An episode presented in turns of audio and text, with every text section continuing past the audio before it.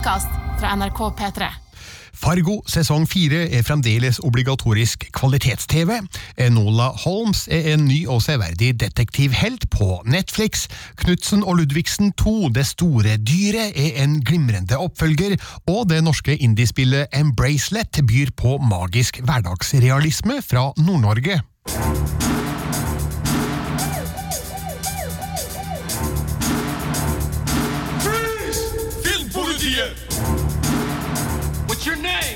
Dude? Birger Vestmo. What kind of stupid name is that? Velkommen til Filmpolitiet, der jeg først kaster meg over den fjerde sesongen av Fargo, som har premiere på HBO Nordic mandag 28. september. In America, you've got to earn respect. I'm the boss. This is my town. They're going to war with us. We'll kill them all. There's a big fish out there. We're the future.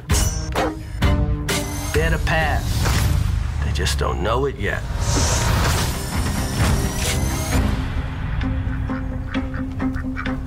Serieskaper Noah Hawley har bevega seg bort fra Nord-Dakota og Minnesota i den fjerde sesongen av Fargo. Handlinga er i stedet flytta sørover, til Missouri, men den mørke humoren, det grumsa persongalleriet og de særprega midtvestlige miljøbeskrivelsene er fortsatt på plass. De første fire av elleve episoder fører oss inn i en hard maktkamp mellom to rivaliserende bander, med Chris Rock, Jason Swartzman, Jesse Buckley, Ben Whishaw og Timothy Olyphant i fremtredende roller. Fargo har kanskje bevega seg et lite stykke bort fra de tre første sesongene rent geografisk, men har landa i et lignende landskap befolka av lugubre figurer med tvilsomme motiver. Her handler det om stadig aktuelle temaer som immigrasjon, klassekamp, kriminalitet og hva det egentlig vil si å være amerikaner. Fargo er fremdeles obligatorisk kvalitets-TV. Sesong fire er lagt til Kansas City i 1950, der to kriminelle gjenger står mot hverandre. Den italienske mafiaen ledes av Josto Fadda, spilt av Jason Swartzman, mens et afroamerikansk syndikat har emigrert dit fra sørstatene med Loy Cannon, spilt av Chris Rock, som sitt overhode. For å bevare den skjøre freden følger de en årelang tradisjon mellom byens til enhver tid ledende kriminelle grupperinger, der sjefene bytter sine yngste sønner. Det brygger likevel opp til bråk når Faddas temperamentfulle bror Gatano, spilt av Salvatore Esposito, immigrerer fra Italia og utfordrer brorens posisjon. Samtidig som to utenforstående ranere, Sony Caps, spilt av Amber Mittunder, og Selmar Roulette, spilt av Karen Aldrich, gjør et varp som skaper mistenksomhet mellom bandene. Det er som vanlig nesten håpløst å beskrive hele handlinga i Fargo med noen korte setninger, fordi det er så mange figurer, detaljer, sammenhenger og handlingstråder å holde styr på. I de første episodene kan det være vanskelig å ha full oversikt, men etter hvert blir det klarere hvordan alt henger sammen. Noah Hollys intrikate manus gir oss hele tida små drypp som i sum gir et utfyllende bilde av figurenes plass i det store spillet som er satt i sving. Fargo er fremdeles som en slags opera der alle brikkene danser inn og ut av scenen, akkompagnert av svulstig musikk og lekende visualitet. Chris Rock gjør kanskje sin karrieres beste rolle som en mafialeder med all odds mot seg, i en hvit by i en æra der rasismen er en grunnleggende del av samfunnsstrukturen. Jason Swartzman er òg underholdende som Fadda-familiens overhode, fordi hans spede fremtoning rimer dårlig med vår erfaring med mafiabossa i populærkulturen. Den spennende kontrasten til den digre broren Gatanos truende holdning skaper en forståelig tvil om hvor godt grep Jostofada egentlig har på sine undersåtter. Jeg liker også seriens tredje fokus, nemlig den raseblanda familien Smutney, med far Thurman, spilt av Andrew Bird, mor Debrell, spilt av Angie White, og dattera Ethelreda Pearl, spilt av Emery Crutchfield, som driver et begravelsesbyrå og skylder Cannon-gjengen penger. De er hardtarbeidende og velmenende, og deres plass i historien viser effektivt kriminalitetens konsekvenser for vanlige mennesker. Timothy Oliphant ser ut som han kommer rett fra innspillinga av Justified som den tøffe US Marshal Dick Wickware, mens Jack Houston spiller politietterforskeren Odis Weff med en mental skavank som virker mer som et påtatt påfunn enn et viktig personlighetstrekk. Han er likevel en god representant for et korrupt statsapparat som legger forholdene til rette for kriminaliteten like mye som de forsøker å stoppe den. Fargo sesong fire har et siste S i ermet som må nevnes, nemlig sykepleieren Oreita Mayflower, spilt av Jesse Buckley. Den tilsynelatende søte, vennlige og imøtekommende dama fra Minnesota vikles inn i historien på sykehuset etter et attentatforsøk, og har en mørk og spennende utvikling gjennom de fire første episodene, som gjør hun til seriens store Dark Horse. Fargo har altså en overflod av spennende figurer og problemstillinger som kan slå ut flere veier senere i sesongen. De fire første episodene har kanskje ikke den samme umiddelbare appellen som de tre første sesongene hadde, spesielt nummer to, men Noah Hawley legger grunnlaget for spennende utviklinger, og seriens tidligere meritter gjør det lett å spå at han vil klare det. Terningkast fem. Denne anmeldelsen er basert på fire av elleve episoder. De to første har premiere på HBO Nordic mandag 28. september. Deretter slippes en episode ukentlig. Filmpolitiet. P3. Så skal vi over til en ny film som hadde premiere på Netflix denne uka, nemlig Enola Holmes. A week ago, I awoke Mother? to find that my mother was missing, and she did not return. I'm presently on the way to collect my brothers, Mycroft and Sherlock. Yes, Sherlock Holmes. The famous detective, my genius brother, he will have all the answers. Enola. Enola Holmes er den mindre kjente lillesøstera til privatdetektiven Sherlock Holmes, men er ikke forfatta av sir Arthur Conan Doyle. Hun er nemlig hovedperson i en serie bøker skrevet av Nancy Springer mellom 2006 og 2010. Filmen Enola Holmes er basert på den første boka, The Case of the Missing Marcus, og har Millie Bobby Brown, kjent som Eleven i Stranger Things, i en hovedrolle som passer hun som hånd i hanske. Det her er nemlig en frisk og frekk figur med bein i nesa, sting i fremtoningen og et skarpt intellekt. Handlinga foregår kanskje i et stivt og konservativt England anno 1884, men fortelles med nåtidas fornuft og følelser. Derfor er Enolas kamp for personlig frihet lett å forstå, samtidig som den unge detektiven blir involvert i et passe mystisk mysterium. Rasende spennende blir det kanskje ikke, og dramatikken har det med å ramle i perioder, men Millie Bobby Browns smittende energi gjør Enola Holmes severdig nok gjennom sine to timer. Hun er ei 16 år gammel jente, oppdratt alene av sin mor, spilt av Helena Bonham Carter, på et gods på landet, mens de langt eldre storebrødrene Sherlock, spilt av Henry Cavill, og Mycroft, spilt av Sam Claflin, er opptatt med sine respektive karrierer i London.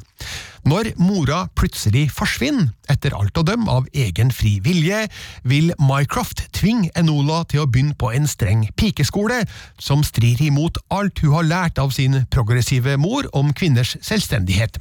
Enola rømmer til London for å finne ut hva som har skjedd med mora, og på veien møter hun en annen rømling, den unge lord Tewksbury, spilt av Louis Partridge. Enola fatter interesse for omstendighetene rundt lordens flukt og hans muligheter i hovedstaden, og må til stadighet holde seg et steg foran sine storebrødre som forsøker å finne hun. Filmen er regissert av Harry Bradbeer, som gjør den samme festlige og fargerike oppfriskinga av 1800-tallets England som Armando Janucci nylig gjorde i kinoaktuelle David Copperfields personlige historie. Bradbeer benytter seg òg av samme grep som han gjorde stor suksess med i serien Fleabag med Phoebe Waller-Bridge. Enola bryter nemlig den fjerde veggen rett som det er, og henvender seg direkte til seeren for å kommunisere tanker, meninger og rene saksopplysninga. Denne teknikken kan være et sjansespill, men Millie Bobby Brown bruker den godt som redskap til å skape sympati for Enola og knytte bånd til publikum. Hun er vår representant i et fordomsfullt og kvinnefiendtlig samfunn, der kampen for kvinners stemmerett er i fokus. Henry Cavill er som vanlig uforskamma sjarmerende, og hans Sherlock er like smart og kløktig som de andre versjonene vi har sett av den berømte figuren. Han er òg en mann av sin tid, og gir uttrykk for visse holdninger som ikke er like gangbare i dag. Sam Claflins skuespill levner derimot Mycroft Holmes en svært liten ære. Han skildres som en sleip, ekkel og dominerende person, uten noen form for søskenkjærlighet. Til tider kan det virke som om filmen overdriver sine personkarakteristikker, at menn fremstilles enten som sleske og bakstriverske, eller veike og dumme, mens kvinner er bare smarte, sterke og rettvise, med noen få unntak. Du er ingen mann før jeg sier du er det, sier Enola til den unge lorden på et tidspunkt, og det føles litt som samme type nedsettende fordommer som suffragettene bekjempa. Enola Holmes er morsomt og spenstig fortalt, sjøl om spenninga er vekslende og klimakset litt for enkelt. Verdensbygginga er overbevisende, persongalleriet er interessant, og tematikken rundt kvinners frigjøring har stadig en viss relevans. Millie Bobby Brown ligner mer og mer på en ung Winona Ryder, som betyr at stjernefaktoren er sikra. Hun spiller med stor sikkerhet og integritet, og viser at hun bare er i starten av en lang karriere som kan bli veldig interessant. Hun er òg en av filmens produsenter, og man kan se for seg at det kanskje foreligger planer om å filmatisere flere av de totalt seks bøkene som er skrevet om Enola Holmes. Den første filmen er i hvert fall god nok til å rettferdiggjøre flere eventyr. Terningkast fire. Filmpolitiet. P3. Vi forlater strømmetjenestene og går over til en ny film som kan fenge både gamle og unge på kino. Knutsen og Ludvigsen 2, Det store dyret. Tunneler er for tog, ikke for folk. Dere må flytte ut herfra. Men jeg vil jo bo her, jeg. Hva ville bestefaren din ha gjort i en slik situasjon, tro? Nei, Da ville han ha ordna opp, ja. Nemlig ordnet opp. Vi har bestemt oss for å hente kaptein Knutsen. Kaptein på bølgen blå. Sto til rors i all slags vær, det var jo der.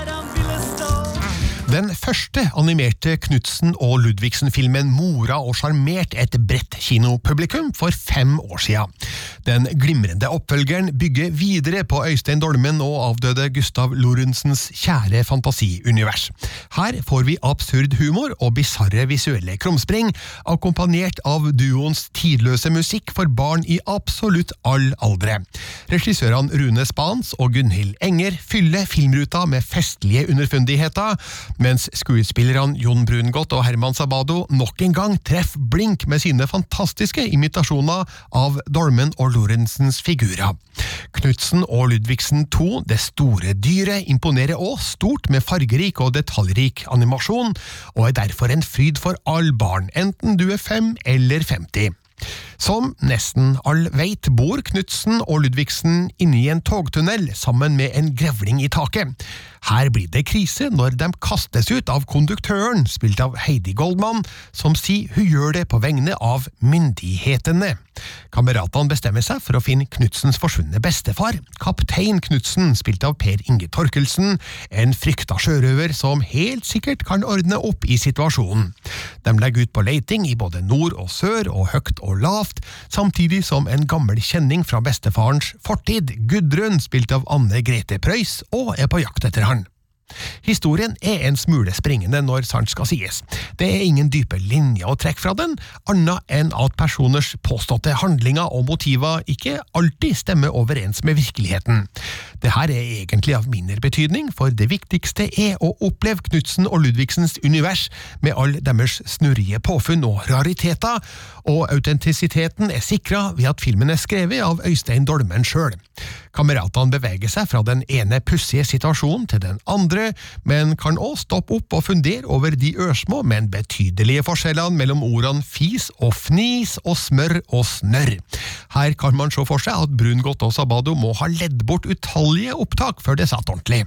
Sjøl om Knutsen og Ludvigsens verden stort sett er helt ufarlig, ligger det skumle på lur, her i form av det store dyret som skjuler seg inni tunnelen. Den farligste figuren skal likevel vise seg å være Gudrun, en saftig antagonist som kjører en uvanlig tøff skurkedoning, og har et hovedkvarter som ligner mistenkelig mye på et omstridt museum i Oslo. Figuren stemmelegges med nydelig gruff av Anne Grete Preus i sin siste jobb før hun døde i august 2019. Hun var også den norske stemmen til Ursula i Den lille havfruen i 1989, så det her var på en måte et passende punktum, da. Her kan det hende at de minste barna vil synes at det, det blir litt skummelt, men konteksten er ufarlig og filmen er tillatt for alle. Det kunne vært ekstra morsomt for voksne om filmskaperne hadde fleska til med enda sterkere virkemidler iblant, men det ville nok vært et brudd på den respektfulle holdninga de ellers har til Knutsen og Ludvigsens barnevennlighet. Som i den første filmen står musikken sentralt i Knutsen og Ludvigsen 2 Det store dyret. De nye versjonene av duoens gamle låter er igjen fabelaktig produsert av Kåre Westerheim. Et av høydepunktene, Ku i tunnelen, ledsages av hallusinatoriske bilder etter at Knutsen og Ludvigsen har spist lakrisbåta, som det ifølge Ludvigsen må ha vært enormt mye sukker i. Voksnesåra kan le ekstra mye av det her, da man iblant kan mistenke noen av de psykedeliske tekstene for å ha vært forfatta under påvirkning av et eller annet. Vi får òg en direkte himmelsk versjon av Matpakkespisevise, en svingende utgave av Bestefarvise, høy trivselsfaktor med klassikeren Hallo, hallo, vi får Juba Juba, og ikke minst en skikkelig rocka versjon av sjørøverkaptein Knutsen med hyllestbandet Racer. Det her bidrar til å gjøre Knutsen og Ludvigsen 2 Det store dyret til en fenomenal feiring av et særegent barneunivers som fremdeles fenger. Man kan nesten ikke ønske seg en bedre Knutsen og Ludvigsen-film. Terningkast fem. Et nytt norsk indiespill er nettopp lansert for PC og Nintendo Switch. Vi skal snakke om Embracelet.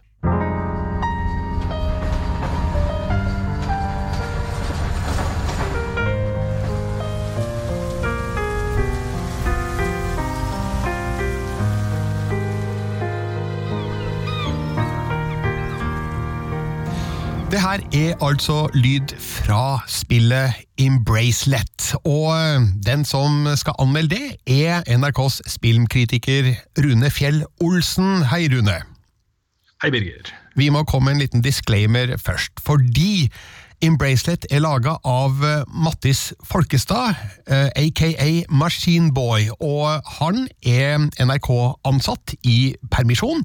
Men du er ikke NRK-ansatt, Rune, og derfor er det avgjort på redaktørnivå at du kan anmelde Embracelet. Så vær så god. ja da. Ja, det var jo i tillegg jeg som uh, anbefalte at NRK burde anmelde dette spillet. så uh, jeg har ikke fått noe krav da fra noen om å anmelde, uh, anmelde dette. Nei, så det også er nevnt. Hvorfor syntes du det var viktig å ta for seg Embracelet? Altså Mattis Folkestad er jo det jeg mener er Norges kanskje mest imponerende spillutvikler. For han uh, starta med dette her som et sånt hobbyprosjekt på 90-tallet. Uh, og har uh, For et par år siden ga han ut et spill som heter Milkmaid of the Milky Way, og nå da Embracelet. Og tingen hans er at han gjør alt selv. Han sitter, I tilfelle Milkmaid så satt han jo hjemme etter at han kom hjem fra jobb og programmerte dette her og lagde grafikken og lagde manus og spilte inn musikken og markedsførte det og alt. da. Så han representerer på en måte den sånn, sånn multikunstner som det ofte kommer mye spennende fra. Og det gjør det fra han også. Så dette er et, et Man kan jo kalle det et lite spill, men et viktig spill, føler jeg, da, for norsk indiespillmiljø. Men hva slags type spill er det vi snakker om her? Dette er jo et historiedrevet spill. Det er et ganske kort spill. Varer tre-fire timer, men har også litt sånn gjenspillingsverdi. For det har et par forskjellige slutter så, som er veldig veldig drevet av historien. Det handler da om en, en gutt som heter Jesper. Som får et sånt magisk armbånd av bestefaren hans, som ligger for døden. Og da hans siste ønske er at Jesper skal reise til hjemmeøya hans Slepp i Nord-Norge. For å gjøre noe, løse opp noe sånn unfinished business. da knytta til dette armbåndet. Så dette er et historiedrevet eventyrspill hvor uh, du egentlig ikke har sånn voldsomt mange oppgaver og ting å gjøre, og, og sånne ting, men det er historien og rollefigurene og uh, det som Jesper opplever, som driver spillet framover. Så et ja, litt sånn i gate med Firewatch og den type spill da, som har blitt ganske populært, særlig fra indieutviklere de siste årene. Du sier ikke så mye å gjøre i spillet. Det høres jo nesten litt foruroligende ut. Altså, hva, hva er spillerens rolle i det her? Ja, så når jeg, når jeg, sier det, og denne type spill, så er jo på en måte historien er jo alfa og omega. Blir du fenget av historien, så, så er på en måte det du gjør eh, Også interaktiviteten i det er bare med å løfte narrativet. Eh, og det er også tilfellet her. Så det du faktisk gjør, det er jo å ha dialoger med andre rollefigurer. Eh, det er å bruke dette armbåndet til å reparere ting, for den kan da flytte på gjenstander eh, i virkeligheten. Så du bruker da den kraften til å løse eh, puzzles rundt omkring på, på øya Slepp.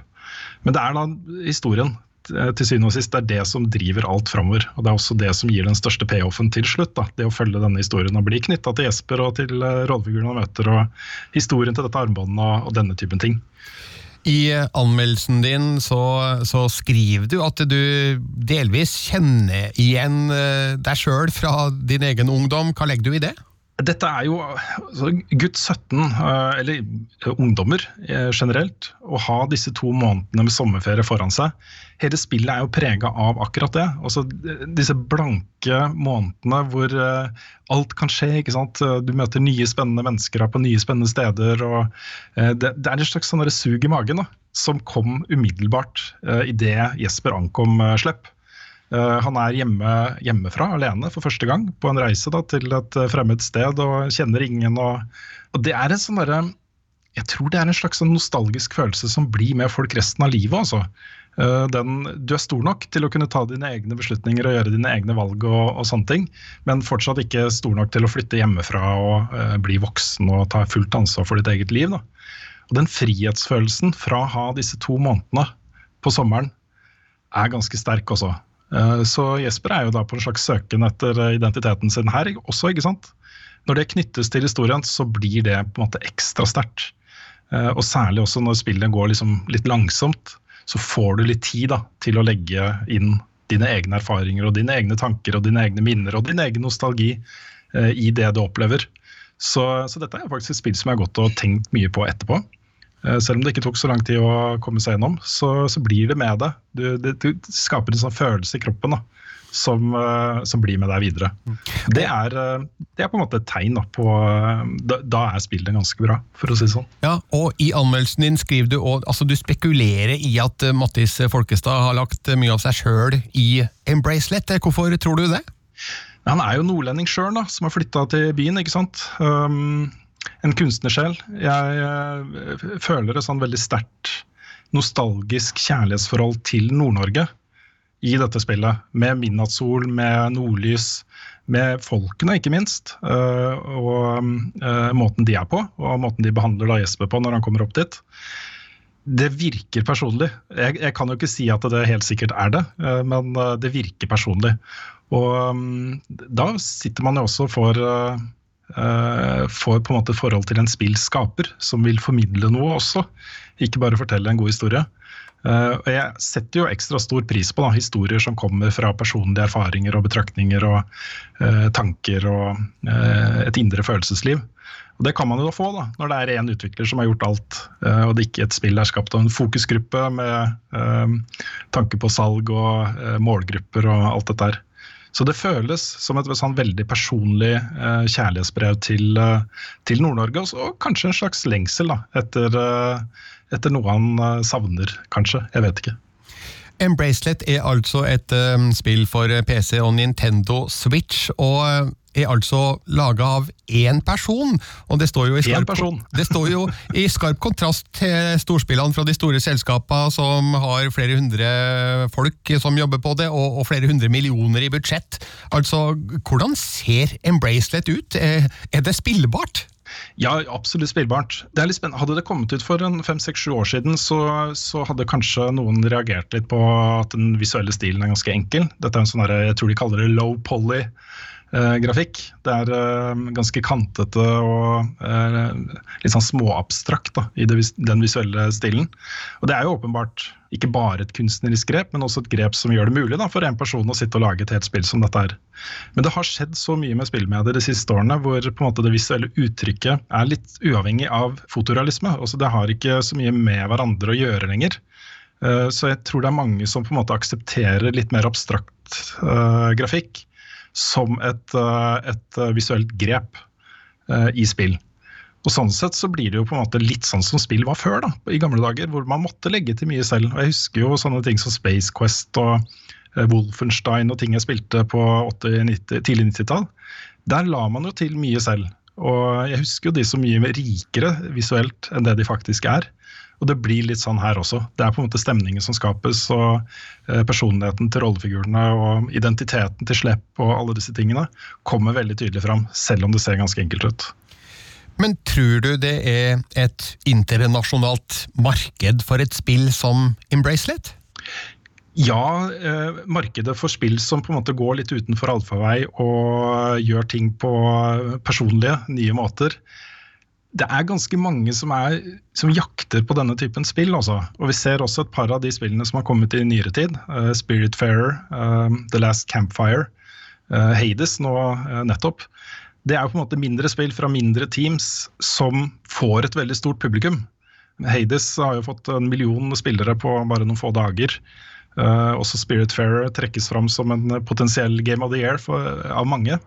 Så dette markedet for litt mer interessante, mindre indiespill har blitt ganske stort. Uh, og jeg tror nok definitivt at uh, Embracelet kan få et, uh, et publikum her som setter pris på opplevelser som går litt sine egne veier. Da. Og det trenger jo spill med det. Spill med det trenger denne type historie og denne type spillopplevelser som ikke bare er laget for å selge, men som er personlige og kommer fra andre steder enn en lommeboka, på en måte. Så eh, jeg krysser fingrene for dette her også. Jeg tror det har potensial. Nå har Mattis Folkestad altså valgt å utvikle en bracelet for PC og Nintendo Switch. Altså, Tror du det er stor forskjell mellom de to versjonene her? Nei, det tror jeg ikke. Ehm, jeg har bare testet PC-versjonen, så jeg kan jo ikke si helt sikkert. Men, eh, men eh, jeg, jeg, kan ikke forestille meg at det skal være noen stor forskjell. Dette er jo ikke noe, et spill hvor du må liksom eh, være flink til å sikte kjapt eller reagere kjapt. eller noen sånne ting. Du kan sitte med en kaffekopp i ene hånd og, og, og spille. Jeg tror det er litt sånn det samme. Når jeg, når jeg ser på traileren til Embracelet, så slår det meg at ja, men dette spillet hadde jo sikkert vært eh, kult å sitte og spille på IOS eller Android. Eh, hvorfor tror du ikke at spillet også er tilgjengeliggjort eh, på, på alle de plattformene? Det kommer nok. Jeg tror det kommer. Sånn som også med Milkmade of the Milky Way. Det kom jo på et par plattformer først, og så kom det på flere plattformer etter hvert. Jeg tror nok det kommer til å skje her også. Det er jo en jobb, da. Det å på en måte gjøre ting klart for andre og flere plattformer. Eh, men jeg eh, føler meg vel ganske sikker på at eh, Folkestad setter seg ned med den jobben nå ganske kjapt. Også. For det egner seg fryktelig godt i mobil. Og det egner seg også veldig godt til å bare sitte i sofaen og chille med en bra historie, liksom. Så mm. kommer nok på flere plattformer. Det heter altså Embracelet, er tilgjengelig nå på PC og Nintendo Switch. Og for å konkludere, hva, hva legger du i den fireren på terningen som du har gitt Embracelet, Rune? Dette er jo litt sånn svøpe til, eh, til, anmeldere, da. fordi hva pokker skal man gi spill og filmer og, og plater og sånt i ternekast? Det kjenner du sikkert godt ja, til selv. Jeg vet det, jeg vet det. Eh, det var veldig vanskelig for meg. Ehm, jeg, jeg føler at en firer er litt uh, strengt, men jeg føler samtidig at en femmer er litt snilt. Så da har jeg på en måte bare en policy for meg selv om at da skal den strenge siden få lov til å vinne, for det angrer man sjeldnest på. Eh, men det er en veldig veldig sterk firer også. Det er sånn nesten en femmer. Så eh, jeg håper at det kommer tydelig fram i teksten at jeg har blitt glad i dette spillet her. Eh, og vil jo gjerne at en firer også skal kunne representere bra spill. da. Så det er et anbefalt spill fra meg også. Kult. Takk skal du ha, Rune Fjell Olsen. Embracelet må faktisk testes. Terningkast fire. Det er slutt for denne gangen. Husk at du finner Filmpolitiets anmeldelser på p3.no filmpolitiet. Følg oss gjerne på Instagram og Twitter. Jeg heter Birger Vestmo. Takk for nå. Du har hørt en podkast fra NRK P3. Hør flere podkaster i appen NRK Radio.